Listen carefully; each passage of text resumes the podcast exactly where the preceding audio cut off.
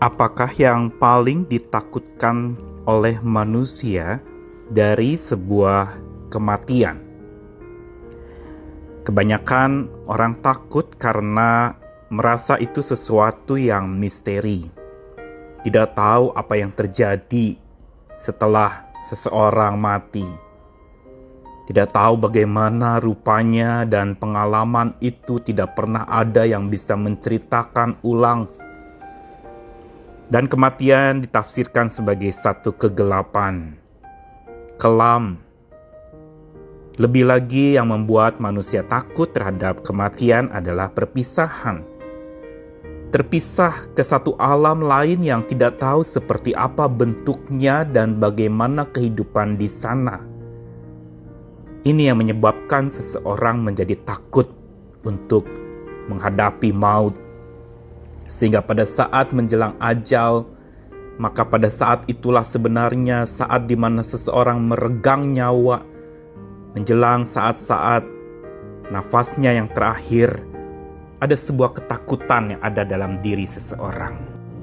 Namun iman percaya di dalam Tuhan mau mengajarkan kita bahwa di balik ketakutan sesungguhnya ada satu janji Tuhan yang mau dia berikan kepada setiap kita. Saya Nikolas Kurniawan menemani di dalam Sabda Tuhan hari ini yang menyapa lagi dari Mazmur 88. Kali ini ayat yang 11 sampai yang ke-13. Bagian dari kemuraman Mazmur ini dikatakan, Apakah kau lakukan keajaiban bagi orang-orang mati? Masakan arwah bangkit untuk bersyukur kepadamu? Dapatkah kasihmu diberitakan di dalam kubur dan kesetiaanmu di tempat kebinasaan?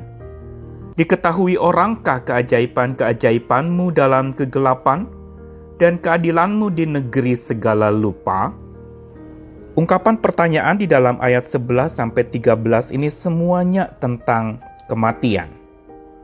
Tetapi yang menarik adalah bahwa pertanyaan-pertanyaan seputar kematian ini bukan mempertanyakan bentuknya seperti apa. Bukan mempertanyakan juga nasib seseorang setelah mati itu bagaimana. Juga bukan berbicara tentang kematian itu mengerikannya di mana. Bukan itu. Tetapi yang menjadi pertanyaan pemazmur ini justru dia menyebutkan berulang kali dalam pertanyaan berkaitan kematian ini adalah tentang Tuhannya.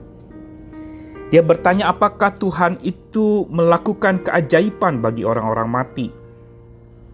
Apakah arwah itu bisa bangkit bersyukur kepada Tuhan?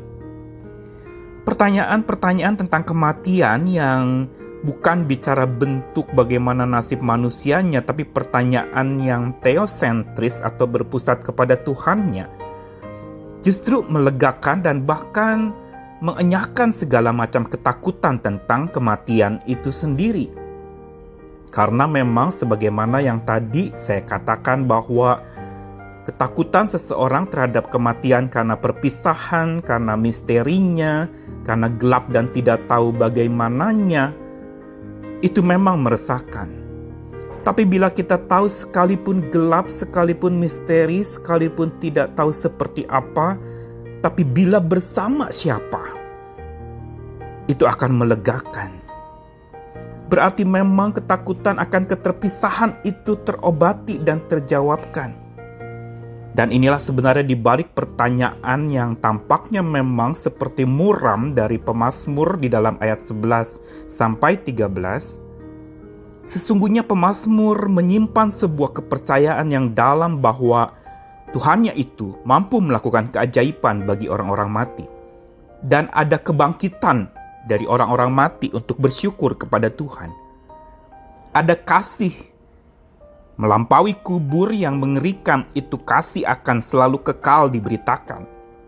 Dan ada tetap kesetiaan Tuhan yang memelihara orang-orang sekalipun di tempat kebinasaan.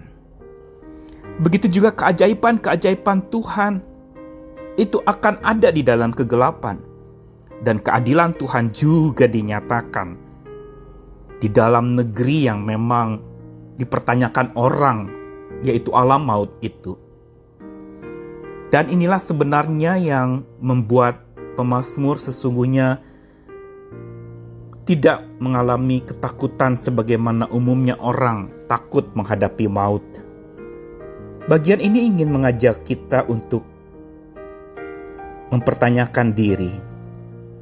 Bila percaya pada Sang Maha Hidup, Allah kita Allah yang Maha Hidup yang tak pernah mati itu, namun dia pernah mencicipi kematian, pernah turun ke alam maut, tetapi hidup kembali dalam diri Yesus Kristus, maka kita lihat bahwa ini sesungguhnya yang menjadi pijakan kita untuk membuat hati kita tidak lagi takut kepada maut, karena Allah yang kita percaya Allah maha hidup yang tidak pernah bisa mati.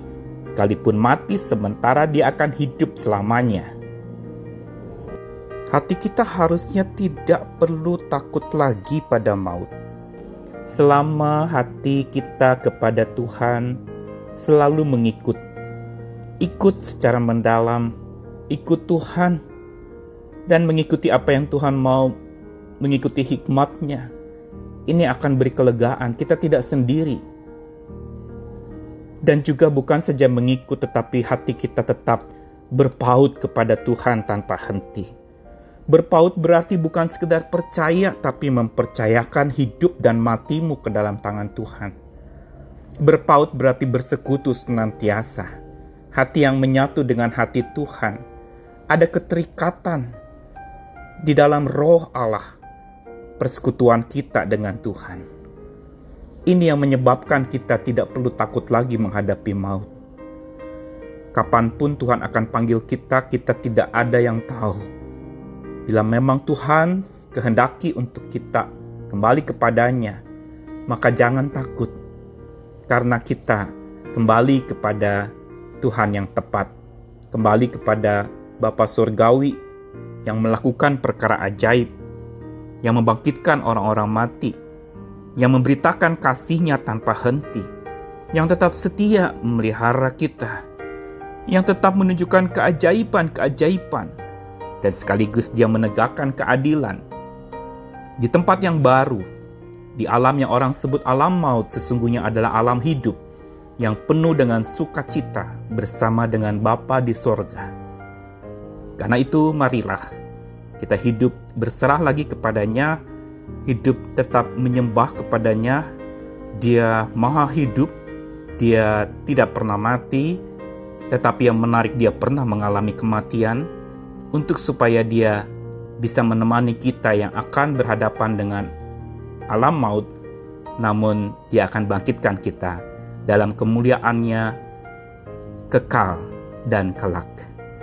Tuhan mengasihi kita, Tetaplah sandarkan imanmu kepada Tuhan yang maha hidup itu.